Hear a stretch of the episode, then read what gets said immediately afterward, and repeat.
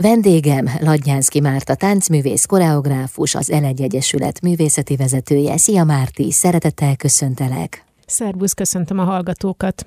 Márti, a kortárs tánc jellemzi a te életművedet, de ez egy rendkívül tág fogalom. Szóval azt gondolom, hogy ez egy nagy zsák, amibe nagyon sok minden belefér, sok olyan fogalom is, amely egymástól nagyon messze van. De te például a rádeső részt, azt hogyan határoznád meg? Hát egy olyan fajta táncművészet, előadó művészet, amiben a mozgás mindenképpen kiemelt szerepet kap, és többféle mozdulattípus vegyül. Azt szoktam mondani, hogy a kortárs tánc és táncosok vagy alkotóknál nagyon jellemző a személyiség, aki, akin látjuk megjelenni a mozgásanyagot, vagy aki elképzeli és megrendezi, meg koreografálja azt. De mindenképpen a kortárs tánc maga az egyfajta gyűjtő fogalom, és attól függ, hogy kinél melyik stílus érvényesül egy picit erősebben, hogy milyen háttérrel rendelkezik, mi, a, mi van a puttonyában. Amikor a személyiségről beszél, beszélsz, akkor nyilván nem az illető táncos karakterjegyeire gondolsz, hanem arra, hogy hogyan táncol a mozgás művészetére. Igen, a, a maga az, hogy ki ő emberileg, milyen érdeklődése van, és milyenféle tánc stílusokból építkezett ő, építette fel a saját stílusát és ez e, attól függően, hogy ki milyen hatásokkal találkozott, vagy mi az, ami, meg, ami, ami rezonált benne, attól függően egy picit kicsit ilyenebb vagy olyanabb. Uh-huh. Márti, egyszer azt nyilatkoztad, most lehet, hogy kellemetlen helyzetbe hoznak, de mindegy, majd kibírod. Szóval egyszer azt nyilatkoztad, hogy Magyarországon jófajta értelemben vett szakmunkás képzés folyik, ami a tánctanítást illeti, és hogy az a nagy kérdés, hogy ennek mi köze a művészethez? Igen, a, a, igazából én ilyen 40 éves koromban határoztam el nagyjából 20 éves pályafutás után, hogy akkor most legyen mégiscsak papírom arról, amit csinálok, és így a tánc, Magyar Táncművészeti Egyetemen végeztem el a BA, majd a, az MA szakokat, és, és az MA szakdolgozatom témájául azt választottam, hogy hogyan is történik a táncművész, tánc koreográfus képzés, így Magyarországon, és, és, és kitekintettem különböző nemzetközi példákra is, interjúkat csináltam, és valahogy azt vettem észre, hogy, hogy maga az, hogy az az alkotó, akit, akit képezünk, aki, aki, aki feltételezem, hogy egy vízióval rendelkezik, az alkotó maga igazából sok mindent kell előbb elsajátítson, ami persze lehet jó is, de ez úgy meg is nyírbálja a fantáziáját, és nem, nem, tehát nem az a módja történik az alkotó, alkotói energiák terelésének, amikor a, a, a személyiség jobban ki tud bontakozni, hanem inkább be kell sorolni valamilyen irányzatokba, és abban ügyesnek és jónak kell lenni, és utána kellően még nem felejtette el az ember, hogy miből is táplálkozott, akkor majd visszatérhet önmagához. Ez egyfajta szakmunkás képzés, mert hogy ugye azt látom, hogy tudjon mondjuk alkalmazott koreográfusként kompozíciókat kitalálni egy zenés darabhoz, ami alapjáratban verbális, csak egy etüdöt vagy több etüdöt bele illeszt. És a táncosok is nyilván azt tanulják meg, hogy a, a színházi szakemberekkel hogyan tudjanak kommunikálni. És ez olyan, mint a favágó, vagy az erdész, a asztalos, a bárki, aki, aki egy szakmát tanul. Így értettem, hogy jó értelemben vett szakmunkás képzés zajlik. Ami nekem hiányzik az az, hogy amire én nem találtam igazából képző intézményt, eh, ahol, ahol azt a fajta kreativitást fejlesztik, eh, eh, ami alapjáratban jellemzi, és van egy érdeklődése annak a személynek. Így mentorként így sokszor találkozom ilyen kihívással, hogy hogy lehet segíteni a, a fiatal fiatal generációt abban, amit ő szeretne csinálni, és nem az én gondolataimat ráerőltetni, hanem, hanem utakat nyitni benne, és azt, azt hagyni kutatni, amit ő szeretne kutatni. És akkor ez teljesen az ő világa lesz. Ez Remélhetőleg. Vagy legalábbis lehet, rá, rá jellemző, hiszen belőle fakad. Abszolút biztos, hogy egyfajta olvasat, uh-huh. és én azt képzelem, azt vizionálom, hogy ilyen esetekben nem, nem tudom elkezdeni hasonlítgatni valaki már meglévő alkotásához vagy módszeréhez, és ezért egyedivé válik. De egyébként ez történik, hogy mindig hasonlítgatnak valakihez? Igen, alapjáratban az emberi agy szerintem úgy működik, hogy muszáj kapcsolódásokat találni, és a, a feldolgozás, az érthetőség miatt mintákat előhívni, és akkor hasonlítjuk, ó, ő úgy néz ki, ő úgy mozdul, úgy csinál, mint amikor az X vagy az Y, és ez a, a táncművészetben is benne van, benne rejlik, én nagyon szeretem azokat az alkotókat és alkotásokat nézni, ahol hát ilyen böffenetekből dolgoznak, ami egy ilyen nagyon mélyről jövő, így vulkán, vulkánszerűen kitörő élménycsomag, amiben látom, hogy van egy munka, befektetett idő, energia, hogy, hogy kikristályosítsa a saját anyagát az illető, és közben meg, ha nem csak alkotó, hanem előadója is az előadásnak, akkor hogy jön át az ő olvasatában egy, egy munka. Mhm. Márti, köszönöm szépen, jövünk vissza, folytatjuk a beszélgetést. Vendégem Ladnyánszki Márta, táncművész, koreográfus, az Elegy Egyesület művészeti vezetője. Ladnyánszki Márta, táncművész, koreográfus, az Eregy Egyesület művészeti vezetője a vendégem. Márti, miért vártál olyan sokáig azzal, hogy papírt szerez arról, amit olyan hosszú ideig csináltál? Hát... igazából nem volt ez egy tuda, olyan, olyan értelemben nem volt tudatos döntés, hogy, hogy eleve, hogy én a tánccal hogy keveredtem viszonyba. Hát mert, hogy keveredtél viszonyba? Hát gyerekkorom óta valamilyen fajta mozgásformát űztem, és, és, és valahogy Szerencsémre édesanyám mindig megengedte, hogy váltsak, amikor egy mozgás formából úgy kiszerettem, vagy valami mást vágytam kipróbálni. De melyek voltak ezek a mozgásformák? Hát például gyerekként a gyerektorna az megvolt, ilyen külön eljárós képzés szinten, akkor én néhány évig úsztam, ott például nagyon érdekes volt, hogy akkor hagytam abba, amikor az egyzőm versenyre akart küldeni, és valahogy ettől én úgy megrettentem, hogy én nem akarok versenyszerűen úszni. És akkor elkezdtem balettozni, klasszikus balettozni a Péács Valériánál, aki, akire így mindig úgy gondolok, mint mester, tehát olyan példamutató volt a magatartása, a létezése, a szigorúsága is, vagy például azt, azt szoktam elmondani, a mai fiataloknak ez már furcsa, hogy egy évig arra készültünk, hogy év végén egy bemutató vizsgán bemutatkozzunk, tehát az, hogy havonta egyszer fellépés, vagy ilyesmi olyan, az szoba se került, tehát ez, ez egy éves munka volt, és oda jártam öt évig. Mm, de valahogy a balett sem az volt, amit én igazából keresgéltem, én szertornáztam is, még, még általános iskola végén, és, és aztán igazából úgy alakult, hogy, hogy eltávolodtam a gimnáziumi években a mozgástól, ott valahogy kimaradt egy ilyen négy-öt év, magam se nagyon analizáltam még, hogy, hogy mi is történt ott, és a színház révén valahogy így a színház úgy érdekelt, járogattam előadásokat nézni, és egy, egy ilyen esti képzésbe becsatlakoztam.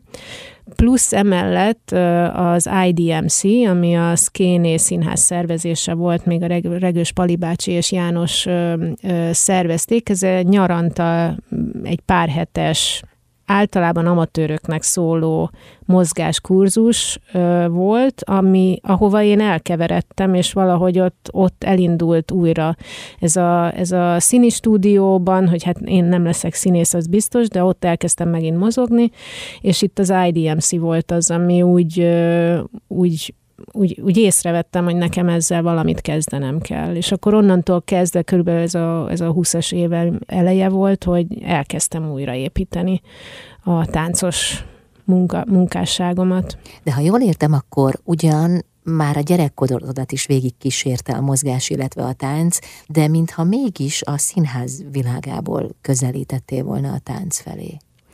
Hát a visszatérést Aha. mondanám a visszatérés az egyértelműen úgy történt, hogy, hogy a, ezen, ez alatt a, egy évig járhattam egy ilyen színi stúdióba, és, és mozgásórák is voltak, és egyszerűen ott valahogy visszatért az a gondolat, hogy nekem igazából a mozgás, mint kifejező eszköz az az erősségem, és én is abban érzem jól magam. Hát anyukámnak ugye mindig nagy kihívást okozott, hogy ha váltottam, és irányt, ez a, a, az anekdota az, hogy áll a gyerek a tévé előtt, és mutatja a tévében, hogy azt akarja csinálni, és akkor anyuka meg mit tud mit tenni, aki egyébként Kárpátaljáról származik, Budapest, nagy Budapesten, hol talál most ennek a lánynak valami olyan helyet, aki, ahol megtalálja azt, amit keres, de úgy valahogy mindig sikerült ez a, ez a kutatáskeresés. Én azt gondolom, hogy nekem ez az úgymond autodidakta építkezésem, hogy így mentem és kerestem, és kurzusok. Aztán amikor újra indultam a táncterén, akkor tényleg, tényleg az volt a jellemző, hogy amilyen kurzusra el lehetett menni, elmentem, Bécsben volt telente és nyaranta egy-egy ilyen kiemelt esemény, amire kuporgattam a pénzemet, hogy kiuthassak és ott ugye a nemzetközi pedagógusokkal, táncosokkal is találkoztam, előadásokat láttam, tehát az, az már egy, az már én úgy, úgy emlékszem, az már egy ilyen tudatos építkezés volt, hogy kerestem a magam hangját, uh-huh. létezését, és utána egyértelműen a, a, az együttműködések voltak azok, amiből nagyon sokat tanultam. És a kortárs táncon belül te hol helyezed el magad, vagy hogyan határozod meg magad, ha egyáltalán ez szükséges?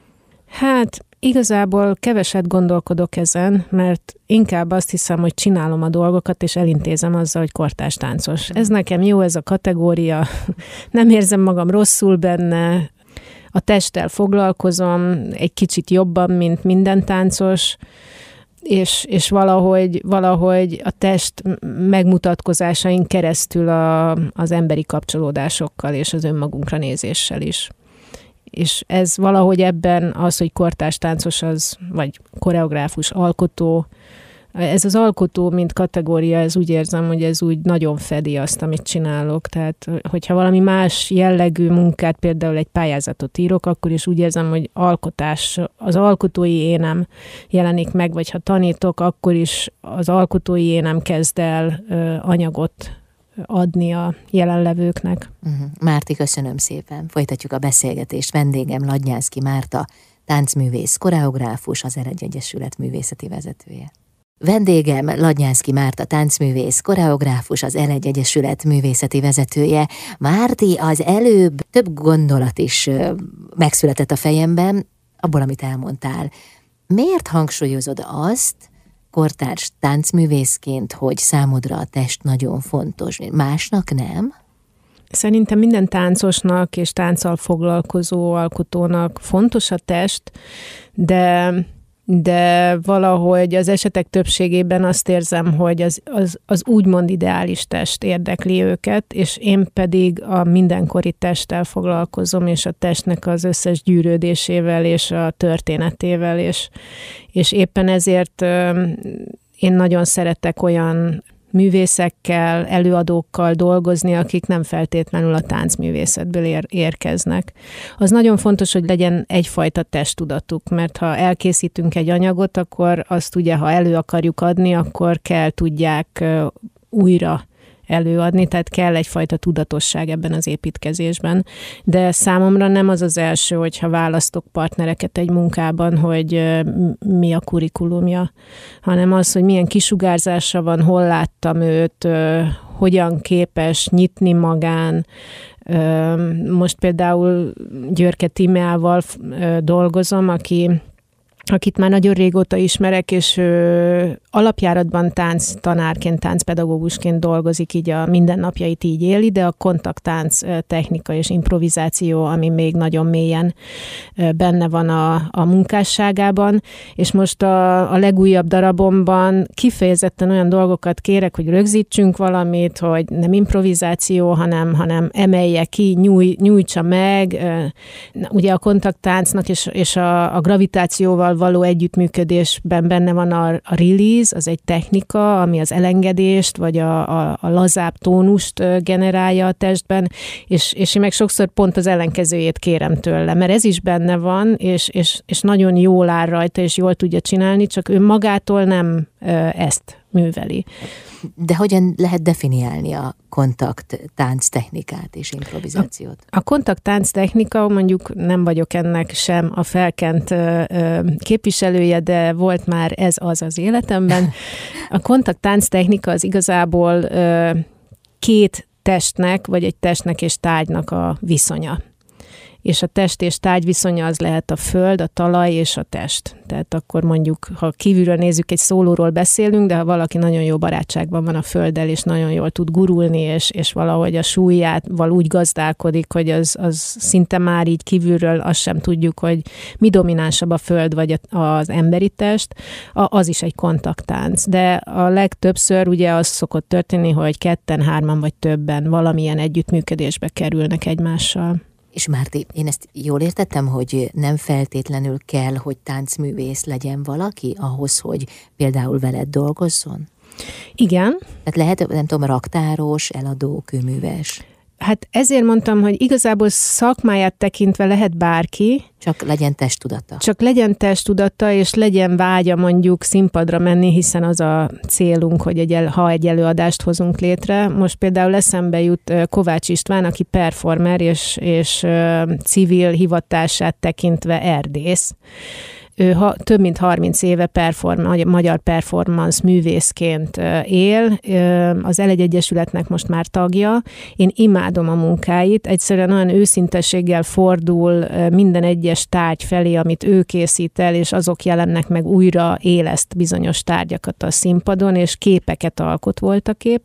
Ő nem táncművész, hanem előadóművész, de imádtam vele dolgozni, amikor egy a Sugész című előadásomban megkértem, hogy egy kifejezett karaktert valósítson meg, egy kifejezett gesztusrendszerrel, és, és nagyon jól tudtunk együttműködni. Számomra ő is egy tökéletes előadó, egy általam komponált előadásban, de dolgoztam zenészekkel, Varga Zsolt az, aki a mintapéldány, aki nagyon sok mindent végigcsinált már velem, de Jávorka Ádám is évekig tréningezett velem, és, és ő egy brácsás, aki, akinek kiegyenesítettük a hátát, és úgy, úgy, úgy ö, ö, osztotta meg a, a teret és időt a táncosokkal, vagy színészekkel is dolgoztam már. És egy ilyen előadás, milyen lenyomatot hagy a közönségben? Általában egy mondjuk egy ilyen tánc előadás, amit Hát én most erre gondoltam egy ilyen performance-ra. Ja. A közönség hogyan vonódik be egy olyan előadásba, ahol nem feltétlenül táncművész az, aki megjelenik a színpadon. Uh-huh. Tehát, hogy számít ez, vagy közelebb érzik magukat hozzá, vagy, vagy, vagy jobban kialakul egy viszony alkotó és, és néző között? Hát engem elég régóta foglalkoztat az a gondolat, hogy mi történik akkor, amikor akár magamat, akár az előadó társakat ö, ö, olyan helyzetbe teszem bele, ahol nem ez a klasszikus nézőtér és színpad felosztás van.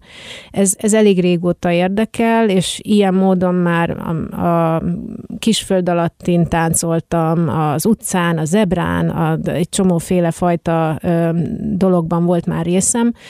Ö, számomra alkotóként is, meg előadóként is ez egy nagyon intenzív ö, együttműködés vagy kapcsolódás az adott nézőközönséggel.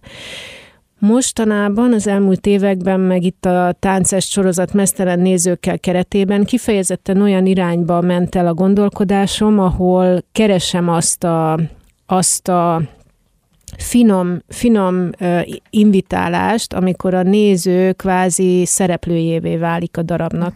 És ez még nem azt jelenti, hogy egy óra, és mindenki azt csinál, amit akar, mert, mert azok a darabok, amiket így komponáltam, azoknak van egy dramaturgiája, és, és most például a Let Me See című előadás, amit textilesen is csinálunk, csak felöltözött közegben, és csinálunk ebben a, a naturnak nevezzük, a, a textilmentes közegben, aminek az a struktúrája, hogy a két előadó, én és Varga Zsolt, ő a zenei részről, én a mozgás részről, 8-10 nézőt a nézőtérről beinvitálunk, akik azt gondolják, most lelövöm a poén, de hogy, hogy csak majd belülről fogják látni az előadást, de igazából én szisztematikusan felépítek egy olyan bizalmi viszonyt, hogy, hogy, hogy igazából ők lesznek a táncpartnereim.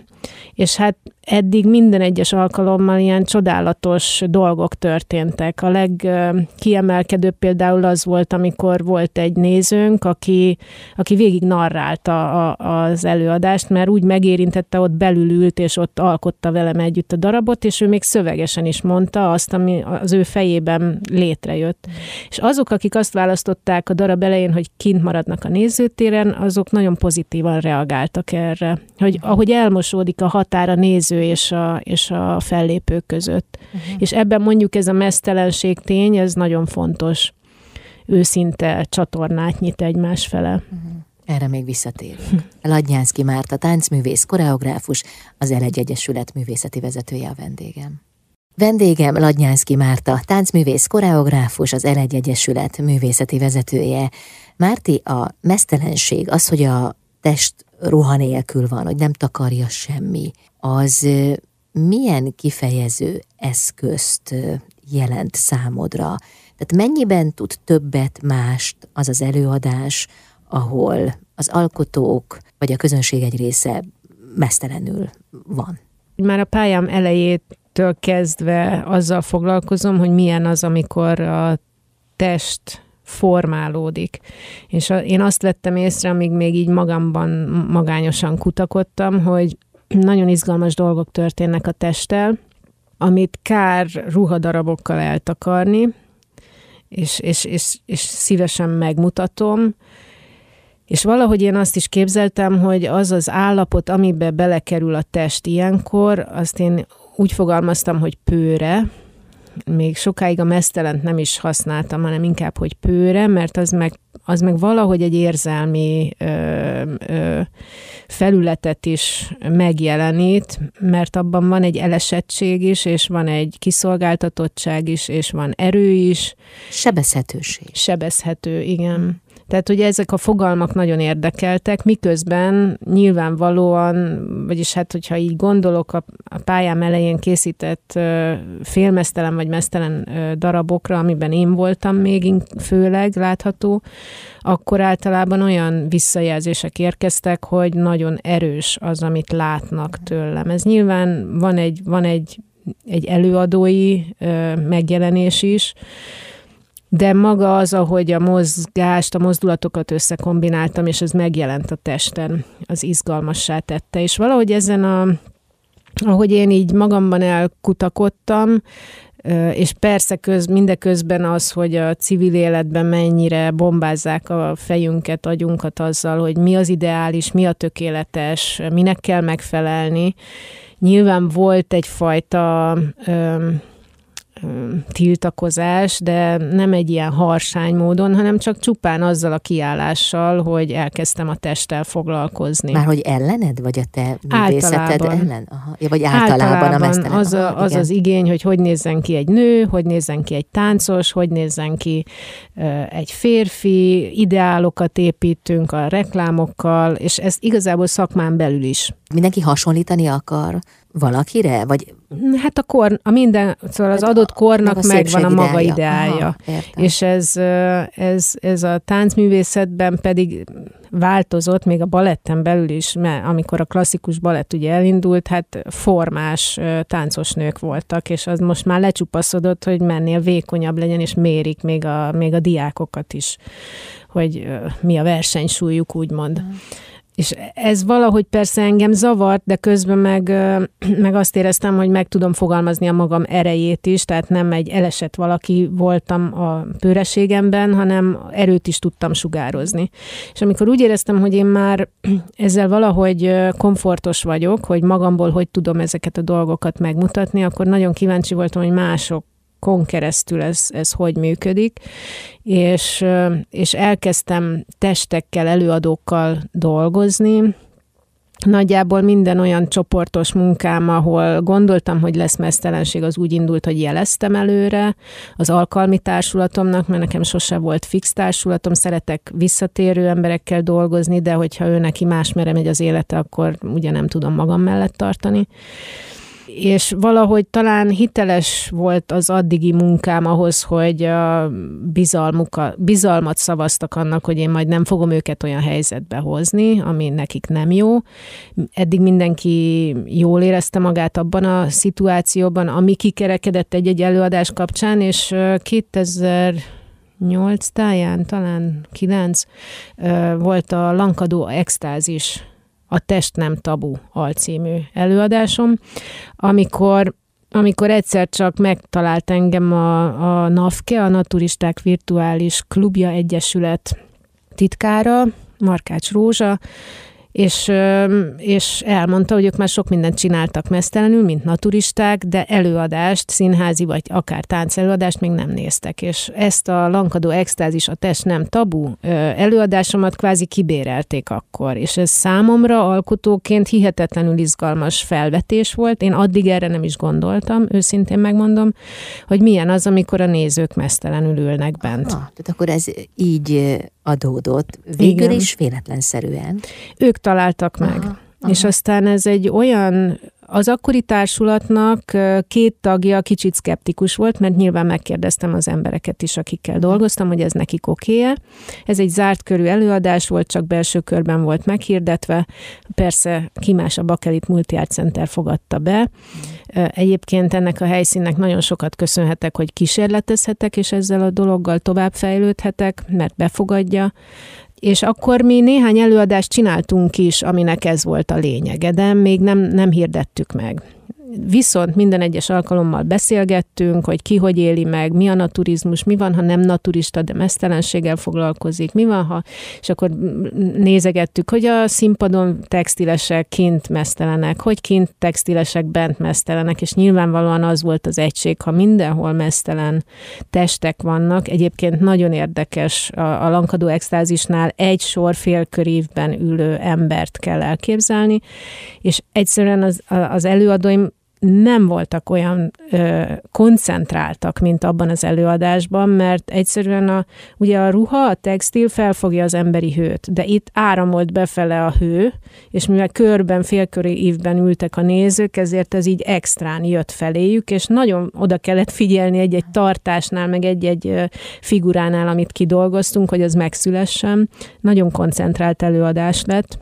És aztán valahogy ez úgy el, elnyugodott, és 2017-ben 17-ben ö, egy román táncosnőnek készítettem egy szóló előadást, szintén Varga Zsolt élőben zenélt benne, és körülbelül egy héttel a bemutató előtt amúgy az Elegy Dance Fest keretében lett volna bemutatva, tehát saját eseményen belül.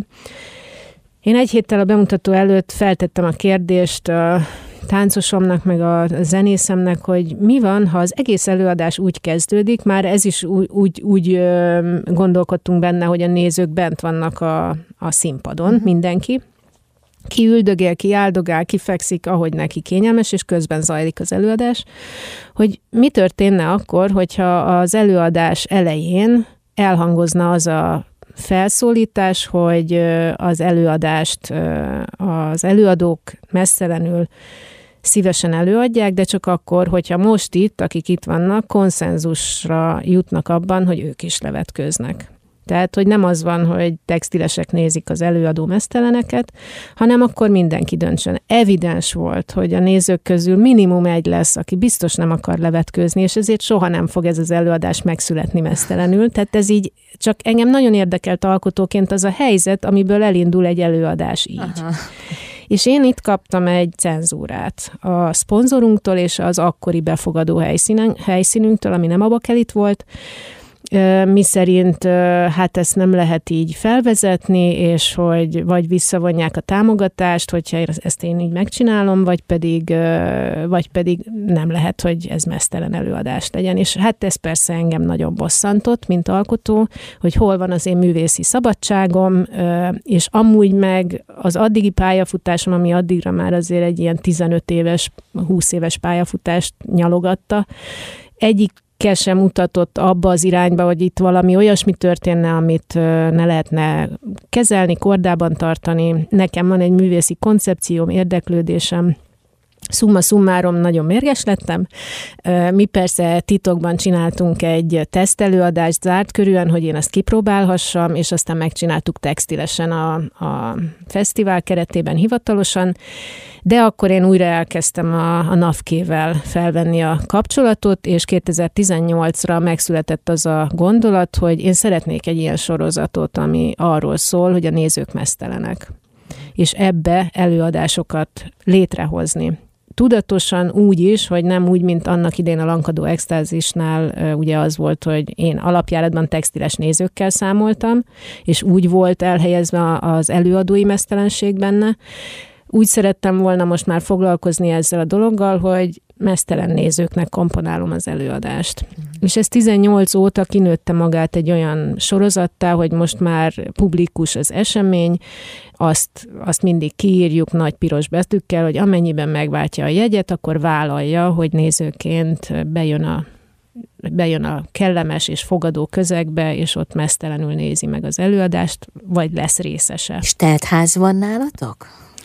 Hát most, a, most már van, a Let Me See volt az első, aztán a 25 per 45 az egy jubileumi szólóm volt, aztán az Umármunk végre egy csoportos előadás, mert nagyon szerettem volna több előadóval dolgozni, ennek az Umármunknak már több verziója volt, de most júniusban született egy 2.0 Triptihon című folytatása, aminek a bemutatóján hát nagyon sokan voltak, tehát nem utasítottunk el nézőket, de ez már nem volt jó, hogy, hogy tehát egy ilyen 60-70 ember az, akit érdekel egy ilyen esemény, és aláhúzom, hogy most már körülbelül fele csak, aki navkés, aki naturista. Aha. Hát akkor vállalkozó kedvű kíváncsi nézőitek vannak. Jövünk vissza, folytatjuk a beszélgetést Ladnyánszki Márta táncművésszel, koreográfussal, az Elegy Egyesület művészeti vezetőjével.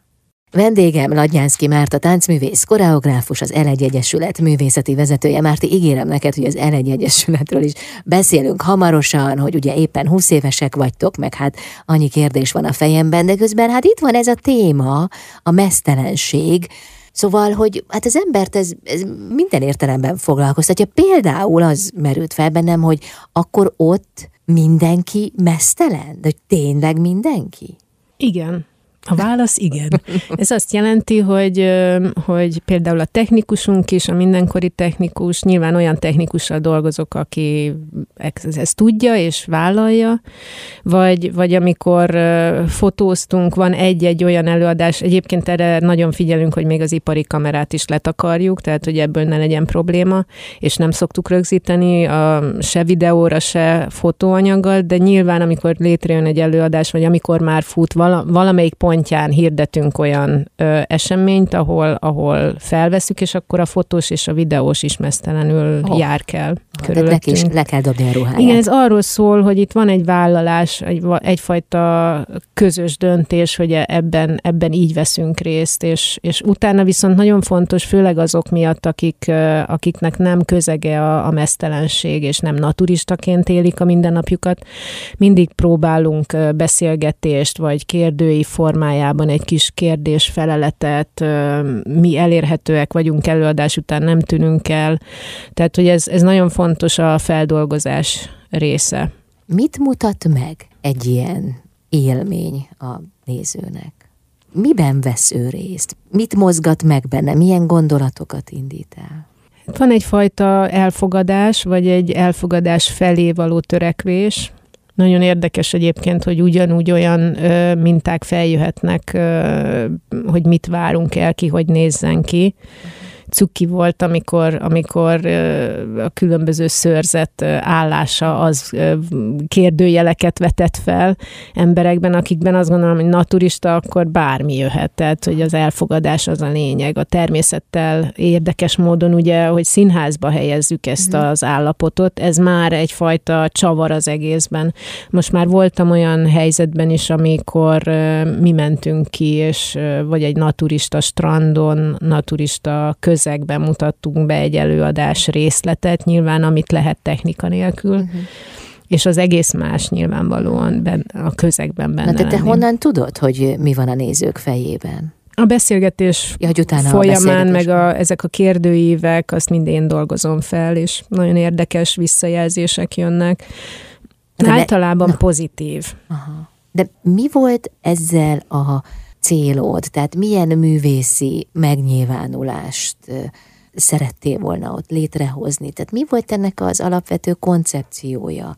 Mert én úgy gondolom, hogy ez biztos, hogy nagyon erős jelenlét lehet a nézők számára, és még csak színháznak sem mondanám, mert nem a klasszikus, hagyományos értelemben vett színházi élmény. Szóval valami, valami egészen más valamiféle közösség épül, egy alkalmi közösség. A Let Me See című előadásnak a dramaturgiája az pont azzal foglalkozik, hogy azt az alkalmilag összeállt plusz 8, maximum 10 embert, akit behozunk a színpadra, azok hogy tudnak együttműködni.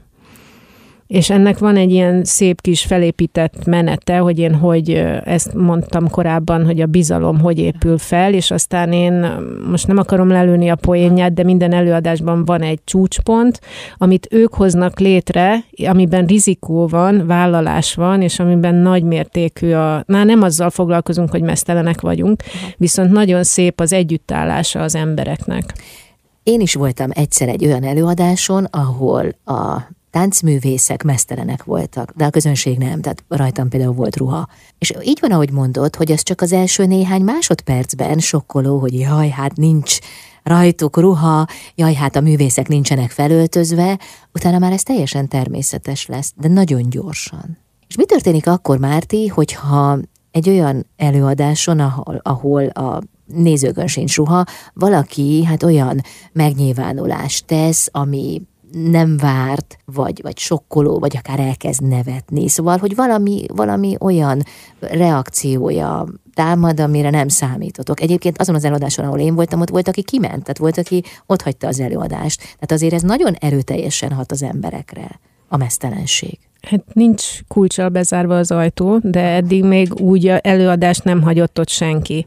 Tehát, hogy, hogy azért minden előadás, amiket említettem, most ez négy előadás, de volt már egy vendég előadásunk is, egy macedón és spanyol duett, akik szintén vállalták, hogy ebben a közegben egyébként ez, az, ez, ez érdekel, hogy ne csak az én darabjaim Aha. mutatkozzanak így meg, hanem bárki, aki mesztelenséggel foglalkozik, van-e annyi bátorsága, hogy egy ilyen közegbe helyezze be, és rá, ránézzen az előadására ilyen szemmel, hogy mi történik, mert nagyon sok minden történik az előadókkal, a nézőkkel. Az esetek többségében ugye egyfajta egység jön létre azáltal, hogy nem fed a kosztüm, nem fed a textil, nincsenek különböző jelek rajtunk, persze van, akin van tetoválás, én nem vagyok tetoválva, és amúgy én nem szeretem az előadó művészetben a tetoválást, mert ez egy nagyon személyes történet, és én azt nem biztos, hogy akarom látni egy bebugyolált történetben, vagy valami ilyen dologban, de az esetek többségében az történik, hogy, hogy hogy már nem lehet tudni, és ezt a bizonytalanságot szerettem azt a pillanatot, amikor a néző néz, és, és nem tudja eldönteni igazából, hogy kik a szereplők. És ugyanúgy véletlenül egy fény, fénypögyben ott ül egy civil, úgymond civil néző, és csak az ülésé, ülését kezdem el nézni. Tehát, hogy itt itt igazából lehetőség van ilyenkor egységé válni, és, és, és együtt alkotni egy közeget. És abban nyilvánvalóan az én részemről van egy felelősségvállalás és kordában tartás, és a, a, az alkalmi vagy nem alkalmi előadóimat abban próbálom erősíteni, meg segíteni, hogy ha véletlenül olyan helyzetbe kerülnek, ami kompromittáló, abból kilépjenek és tovább lépjenek. Ezt mi most tanuljuk, hogy a határokat hogy tudjuk belülről megszabni úgy, hogy közben meg bátorítom a nézőket arra, hogy önkifejezzék magukat. Uh-huh. És ez nem lehet annyira erős élmény, akár a nézőknek, akár az alkotó művészeknek, hogy ruha nélkül vannak, hogy, hogy később már nem is akarnak, tehát hogy akadálynak érzik a, az öltözetet a későbbiek folyamán, mert ez olyan nagyfokú szabadságot és extatikus élményt jelenthet, hogy könnyen el tudom képzelni, hogy, hogy hátráltató tényezőnek élik meg mm-hmm. később. Én igazából a kosztümre, mint munkatársra gondolok. Például van a Metro Action című előadásom, ami, ami Koroknai Zsoltal és Varga Zsolt barátommal, bar, ők baráti művészbarátok nekem, alkotótársak hoztunk létre, aminek az a lényege, hogy mind, mindannyian a forgás motivummal vagy a körformával foglalkozunk, és ott számomra nagyon fontos, hogy egy olyan ruha legyen rajtam, ami be tud mozdulni ebben a közegben, tehát egy abszolút alkotótársnak Aha. élem meg. Szóval én nem vettem el teljes mértékben a kosztümöt, sőt, nagyon sok előadáshoz én kosztümöket terveztem, csak, csak így nincs kiírva így a nevem, hanem pillangó a, a álnevem, úgymond. Aha. Na most már így, tudjuk. Így, így a Szabó Rékától a Berger Gyulán keresztül nagyon, nagyon több, több projektben is vagy részt vettem táncosként is, és mellette a kosztümökkel foglalkoztam, vagy csak kosztümöt terveztem, kiviteleztem. Tehát engem érdekel a textúra, és a színek, és a, és a formák, és az anyag minősége, de a testnél ez a, ez a meglévő, meg ez a kimunkált vagy kimunkálatlan meglévő test az, ami izgat. Köszönöm szépen, Márti. Ladnyánszki Márta a vendégem, aki táncművész, koreográfus, az Elegy Egyesület művészeti vezetője. Jövünk vissza. Ladnyánszki Márta táncművész, koreográfus, az Elegy Egyesület művészeti vezetője a vendégem. Márti, az Elegy Egyesület is már 20 éves, tehát nem ma kezdted. Hát igen. Igen, hát elértük a kerek 20 évet. Igazából egy kicsit mindig bizonytalan vagyok, mert az Egyesület, tehát bejegyzése az ugye 2002.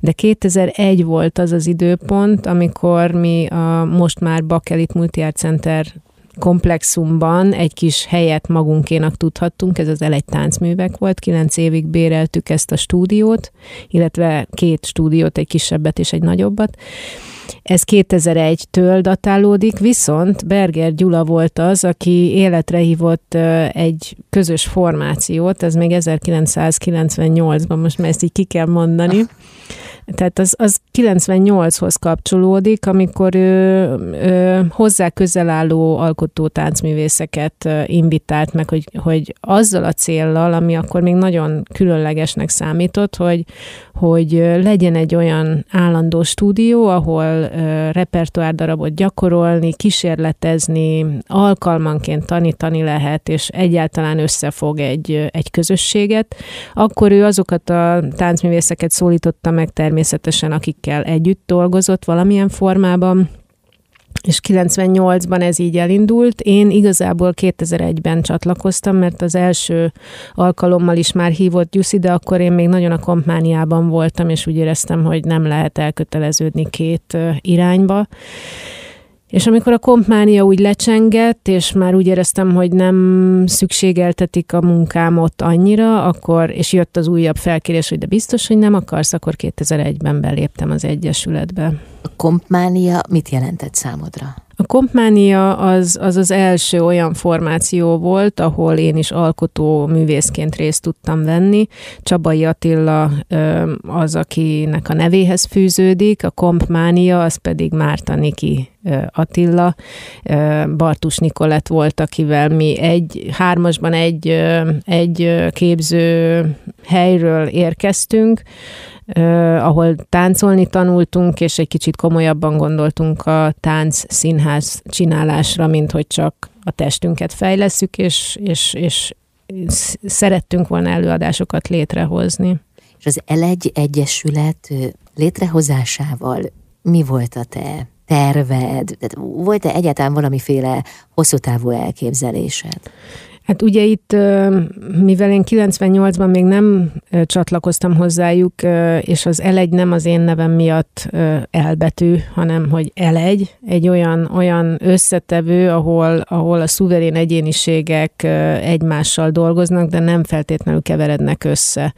Ezt a fogalmat használtuk. És de egy, egy nagy elbetűvel Igen, mert ez meg egy ilyen játék a szóval, de ha kiírjuk elegy, ezt jelenti, és az L1, az nem az én nevemből jön, hanem, hanem ezért. Tehát igazából ö, én csatlakoztam az ő, ő felvetésükhöz, hogy legyen egy olyan helyszín, a stúdió nevezetesen, ahol hosszú távon lehet dolgozni, mert abban az időben, ez ugye itt a 2000-es évek eleje, nagyjából annyi volt, hogy ki hol tudott próbálni, megoldotta valahogy, színházi körülményekbe vagy nagyméretű stúdióban nem tudott beszabadulni, csak a bemutató előtt egy-két nappal, és sok elvárás nyomta a vállát ilyenkor az alkotónak és ez, ez, ez nekem nagyon szimpatikus volt, hogy egy ilyen formáció létre tudjon jönni. Abban a, abban a, a környezetben, amikor társulatokról beszéltek, ahol egy koreográfus van, és stábja van, a táncosoktól a világosítón keresztül mindenki.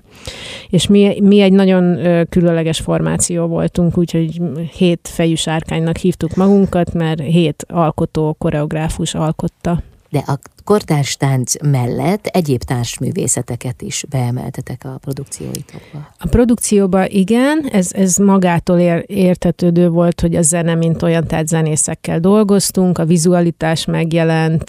Nekem már a kompániában is nagyon fontos volt, mi ott hajszobrászokkal, fodrászokkal dolgoztunk együtt. Tehát egyik darabban kék volt a hajam, a másikban sárga, tehát hogy ez, és nem csak beszíneztük, hanem az radikálisan festettünk. Szóval engem így vizuálisan is nagyon, és a Csabai Attilánál úgy megtanultam a kosztümökkel is úgy bánni, hogy milyen fontossága van Úgyhogy én ezt a szemléletet vittem tovább az Elegy Egyesületbe is. Igazából azt kell mondjam, hogy először táncművészekből és koreográfusokból állt az Egyesület, és akkor, amikor 2010 végén feladni kényszerültünk az Elegy táncműveket, akkor én mindenképp fontosnak tartottam, hogy, hogy, hogy tovább éljen az Egyesület is, meg egyáltalán a szemléletmód, és helyszín nélkül bár, de 2011 óta mi egy kvázi egy újra definiálásban vagyunk, egy, egy kvázi el egy identitáskutatásban, hogy mit is jelent. Nagyon nehéz helyszín nélkül összetartani egy, egy amúgy szerteágazó közeget, és akkor a 2011-es váltás hozott igazából új tagokat, meg a rezidens programunkat, ami furcsa mód egy évig velünk van egy, egy két, három, négy, öt alkotó, uh-huh. és próbálunk egy ilyen mentor programmal segíteni nekik. Hát nektek nagyon fontos a fiatalok felkarolása, a tehetségek megmutatása. Hát például az NKA Imre Zoltán program fiatal pályakezdő táncosainak is teret Igen. adtok. Alapból ez elindult a kíváncsiság. Ugye én művészeti alelnök vagyok hivatalosan, mindig is sose akartam elnök lenni, tehát itt a Berger Gyula vitte a, a 2010 végi váltásig elnökként a, az Egyesületet. Ő maradt egyszerű tag, úgymond, és Varga Zsolt vette át, aki zenész, ö, ö, zeneszerző, és én nem akartam elnök lenni, mert azt éreztem, hogy én tényleg azt csinálom, ami, amihez értek, hogy művészileg próbálok koncept koncepciókat gyártani, és, és új irányokat adni, és foglalkozni más művészekkel, tehát én megmaradtam a kezdetek óta művészeti alelnök vagyok, mindig újraválasztás van természetesen, vagy nagyon szeretném már, ha kinevelődne az utánpótlás is, tehát nagyon szeretném a stafétát is átadni, és megnézni, hogy más ezt hogy tudja vinni, csak most nem e fele megy a világ, valahogy sokkal jobban magánzó művészek jönnek létre, és a, az, hogy felelősséget vállaljon valaki hosszú távon, akár még elnökként anyagi felelősséget is vállaljon az, azokért a döntésekért, amit így közösen próbálunk képviselni, képviselni, az most én ezt nem érzem a mostani fiatalokban. Vannak nagyon erős személyiségek, alkotók, de hogy kiálljon egy 20 fős tagsággal rendelkező egyesületért, vagy víziókat gyártson, és ne csak a saját projektjével foglalkozzon, az most nem annyira jellemző, így az utóbbi néhány évben sajnos ezt vettem észre, de alapjáratban a rezidens program is azért indult, hogy frissítsük a tagságot. És ez minek köszönhető, hogy a fiatalok ilyen magánzókká Hát váltak? ezt próbálom, próbálom figyelni, megérteni, elfogadni, sokat küzdök ezzel, nem, nem titkolom. Ugye azt szokták mondani, hogy most más időket élünk, más nehézségek vannak, más kihívások vannak az életben, kevésbé elképzelhető egy ilyen formáció életben tartása. Uh-huh amit tényleg ennyire nem központosított. Jó, hát bizonyos mértékben igen, mert az én művészeti vízióim alapján dolgozunk, de idén például a működési támogatásunk két millióval csökkent, a három milliót költünk egy teljes évre, ez szinte semmi, amikor különböző eseményeket hozunk létre, és próbálunk küldeni embereket fesztiválokra nézni, és ismerkedni, meg hasonló projektjeink vannak. Ez rettentően kevés. Akkor, amikor ez kiderült tavasszal, akkor, akkor össze is hívtam egy gyűlést, hogy beszéljünk arról, hogy mi van, ha nem én vagyok az L1 Egyesületnek a művészeti vezetője, mert úgy érzem, hogy most ez így nem jó és hogy nem jó irányba megy kvázi egy olyan megerősítést kaptam a jelenlegi művészektől, hogy a legtöbbje azért tagja az L1 Egyesületnek, mert én vagyok a művészeti vezető. Mert hogy az a vízió, amit, amit uh, így megszülök magamból, uh, feldobok, mint ötlet, és próbálom őket serkenteni arra, hogy ők is jöjjenek ötletekkel, hogy mit csináljunk együtt közösen, az még mindig egy biztos alapot nyújt ezeknek a művészeknek, akik éppen velünk vannak. Úgyhogy maradtál. Úgyhogy igen, maradtam. Köszönöm szépen. Ladnyánszki Márta, táncművész, koreográfus, az Elegy Egyesület művészeti vezetője a vendégem. Jövünk vissza. Ladnyánszki Márta, táncművész, koreográfus, az Elegy Egyesület művészeti vezetője a vendégem. Márti, a beszélgetés elején szó volt arról, hogy neked milyen vélekedésed volt a hazai táncművészet oktatásról, ugye, hogy valami olyasmit írtál, hogy kicsit a szakmunkásképzéshez hasonlít, de hol van ebben a művészet. És hogy hogy érzed, hogy a nemzetközi szinten ez mennyiben más, más-e egyáltalán, illetve mennyiben vannak jobb vagy rosszabb helyzetben az ottani művészek? Hát szerencsére így az Elegy Egyesület művészeti vezetőjéként is, meg hogy ugye eseményeket is szerveztünk a múltban, elég sokat tudtam külföldön járni kelni, különböző táncplatformokon, ami azt jelenti, hogy egy kvázi egy fesztivál az adott nemzetnek a bemutatása, a tánc előadóknak, előadásoknak a bemutatása.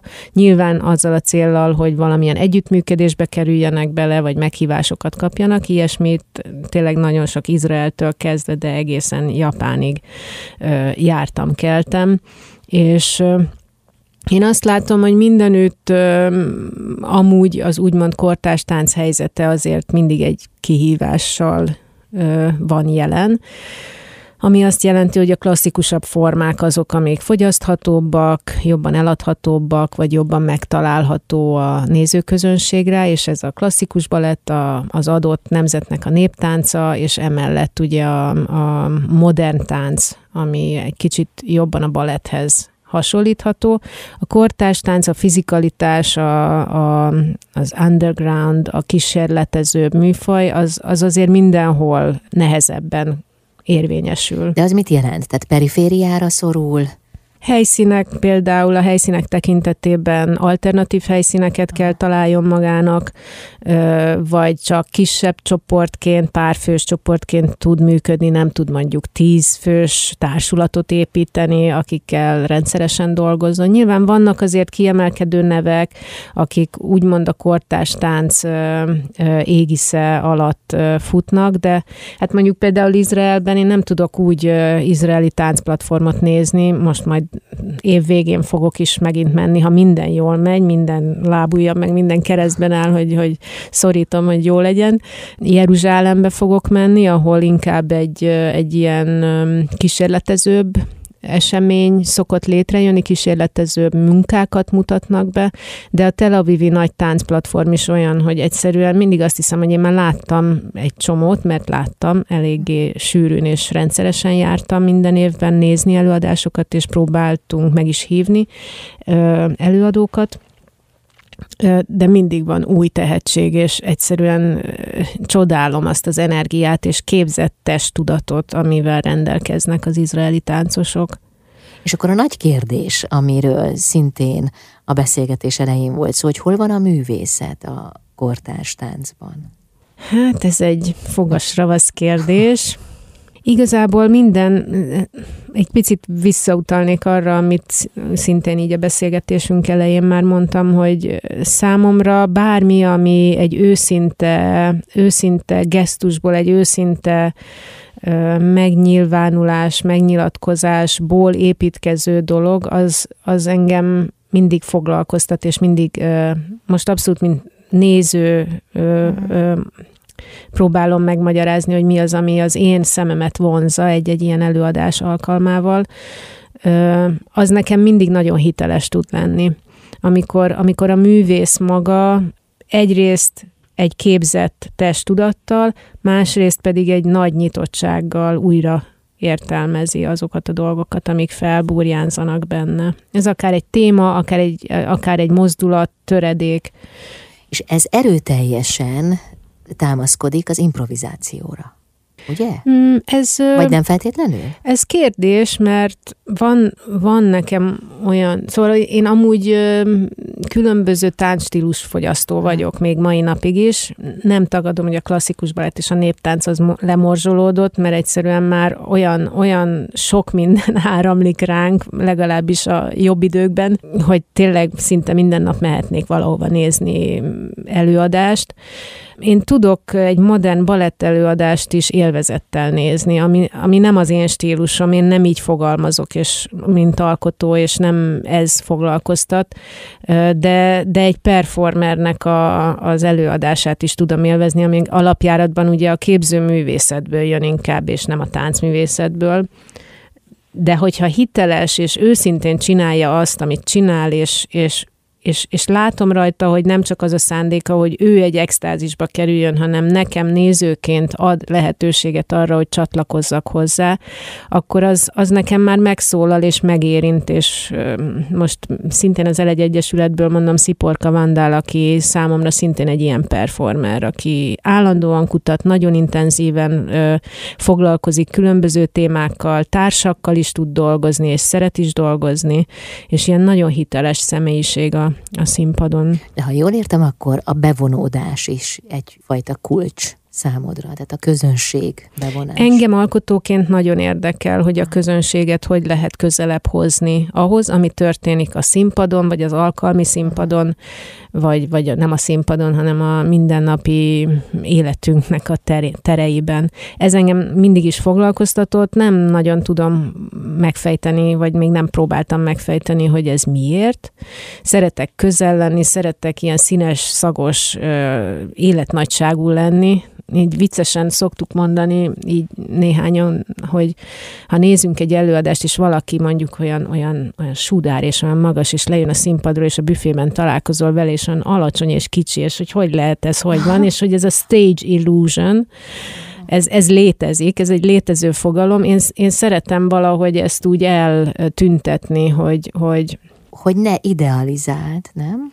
Hogy ne idealizálja, igen, de persze azért én is szeretném, hogy meglegyen az elfogadottságom, meg, meg hogy a munka azért látszik benne, és azt, azt értékeljék, de közben meg szeretem, szeretem, ez olyan csavaros, hogy, hogy sokat dolgozom egy adott mozdulat létrehozásán, viszont azt szeretném, ha azt látna a néző, hogy az egyszerű. Uh-huh és könnyű, és ő is meg tudja csinálni.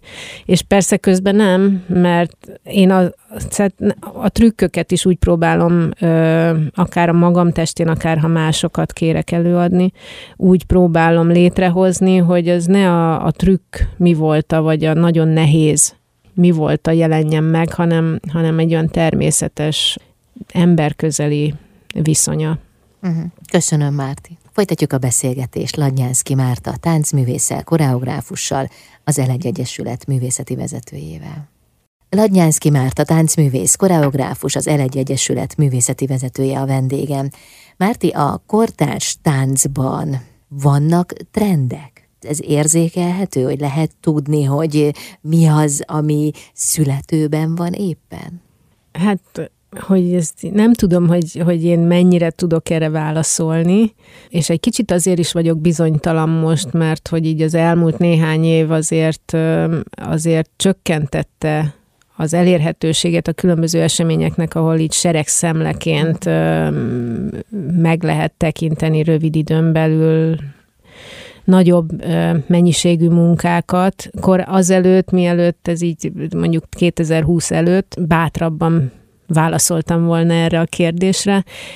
Én azt érzem, hogy nyilván minden művész inspirálódik a magánéletéből, a, a világnak a, a különböző kihívásaiból, és, és és reagál, reflektál, akkor is, hogyha akarja, akkor is, ha nem akarja. Akkor Mindenképp. tényleg? Én szerintem ott van a munkákban, akár egy, egy egy színválasztásban, egy, egy, egy textúra választásban, egy zenei választásban, tehát nem feltétlenül muszáj tematikusan vagy dedikálni egy előadást valami, valamilyen misszióért, vagy valakiért, vagy valakikért, uh-huh. de hát nyilván vannak politik, politikai vagy politikus előadások, akik meg célirányosan valamiről akarnak szólni, és felhívni a figyelmet rá. Én egy picit így, hogy, hogy trend vagy nem trend, azt érzem, hogy, hogy, hogy hogy úgy próbálnak túlélni a művészek is. Most, most inkább talán a magyar művészekről beszélek, magyar tánc előadó művészekről, vagy alkotókról, akik azt szerint próbálják formálni a, a létrehozott munkájukat, hogy egyáltalán hogyan tudják finanszírozni azt. És ebben például az, hogy, hogy most ne egy egyszerű, hogy én akarok egy bemutatót csinálni, és akkor annak keresek forrást, hanem, hanem mondjuk ez, ami jelen van még, az EU-s együttműködések, az EU-s pénzekkel támogatott különböző projektek, és az EU-nak a fő fókuszpontjai az adott ciklusra, ugye ilyen négy-öt éves pályázati ciklusok vannak, amikor ők ilyen főmesdjéket megállapítanak. És azt például érzem, hogy erre a magyar tánc alkotók is próbálnak reflektálni, szimplán azért, mert onnan várhatóbb egy, egy stabilabb támogatás talán. Uh-huh. És akkor ebben nyilván a környezetvédelem, a, a az abúzus, a klímahelyzet. A klímahelyzet, igen, tehát az összes ilyen úgymond topik vagy, vagy téma előjön és felmerül. Hát jó, de ez a téma, de, de ehhez milyen művészi megformálás tartozik? De ezt illetően van-e valamiféle trend? Nyilván mindenki, én azt érzem, hogy alapjáradban mindenki a saját esztétikáján belül készít előadásokat. A saját esztétika alatt valamiféle sajátos stílusjegyet értesz? Jó esetben igen. Jó esetben stílusjegy, igen, és sajátos. Nem mindenkire jellemző, tehát azért, azért most nem akarok senkit megbántani, de egy modern balett előadásban nehéz más csinálni, mint a modern balett stílusjegyeit felvonultatni. És hát azért, aki kőszínházi rendszerben működik, mondjuk olyan, olyan tánc együttesek, náluk valószínűleg nehezebb is valami nagyon formabontót, valami nagyon kiugrót csinálni, egy másfajta dramaturgiát, vagy más építkezést, most, ha egy ilyen friss élményemet elmesélhetek gyorsan, Hát, hogy a 11. EGRI stúdiószínházi napokon én először kaptam meghívást alkotóként, valószínűleg azért, mert a Közép-Európa Táncszínház egy szólistájára készítettem egy szóló előadást, és én nagyon szerettem volna, ha ez tovább él, és valahogy meghívást sikerült kapnunk erre az eseményre, még sose jártam ott. Szerencsére én hamarabb leutaztam, úgyhogy az előző estét is meg tudtam nézni, de egy tündéri, a Gárdonyi Géza Színházban egy tündéri stáb fogadott minket, tehát tényleg a technikusok mindent igyekeztek a lehető legjobban megcsinálni, de már nekik is nagy kérdőjelet vetettem azzal fel, hogy hát ez az előadás, az effigy, az arról szól, hogy a, a klasszikus nézőtér, az nálunk kvázi díszlet, és a háttere az előadásnak, ami azt jelenti, hogy azzal szembe be kell építeni, nem kell beépíteni ö, emelvényeket, de székeket kell berakni. Na és ezt így, ezt így elmagyarázni, hogy ennek az előadásnak ez a lényege, hogy az üres nézőtér előtt, az a rendes nézőtér, ami úgy be van építve, játszódik az előadás. Na most a nézők is, akik jöttek, anyukám ugye jött velem, mert szeretem őt mindenhova vinni, és így a nézői véleményeket is így elelcsíp csípte, ahogy jöttek be, és nem értették, hogy mert egy szünet után játszottunk, hogy de miért kell, hát hogy lehet más, hogy a nézőteret egyáltalán csinálni. Tehát már ez is egy, ez is egy kérdés volt, és, és az tündéri volt, amikor lement az előadás, és az egyik fő műszaki szaki utána odajött, hogy hát ne haragudjak, de hát ő most értette meg, hogy miért kellett nekem ez, hogy meg van fordítva a nézőtér. Uh-huh. Tehát kibillenteni a, a szokásosból, a rutin kínosból, vagy egyáltalán nem abban gondolkodni, hogy ú, minden áron x számú jegyet el kell adni, akkor ez csak így lehet, mert csak így fér be a, a néző. Ezt mi tudjuk, a független művészek csinálni, akik új terekben gondolkodnak, akik kísérleteznek, mernek jobban ebbe az irányba elmozdulni. Viszont nincs is egy kőszínházi rendszer mögöttünk általában, és ennek van egy kiszolgáltatottsága is. Úgyhogy ebben lavíroznak a kollégák is szerintem, aki, aki tud reagálni, tehát a, ha témaválasztásra visszamegyünk, hogy hogy tud esetleg ez az adott témaválasztás a munkamódszerén is ö, változtatni. Az csodálatos egyébként, de ez nagyon ritka szerintem. Vagy nagyon erős személyiség, alkotó személyiség kell hozzá. És hogyan tovább, Márti? Mi lesz? Hát ez egy jó kérdés.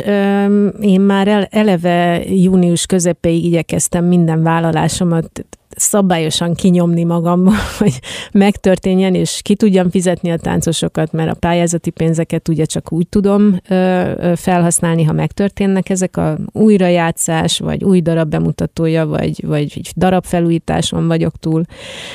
Úgyhogy én nálam úgy gondoltam, hogy szeptembertől nem, nem lesz el egy Dance Fest sem, mert tavaly ugye 20 év után bezártuk, tehát hogy ilyen chill lesz, és majd papírügyek lesznek, iroda.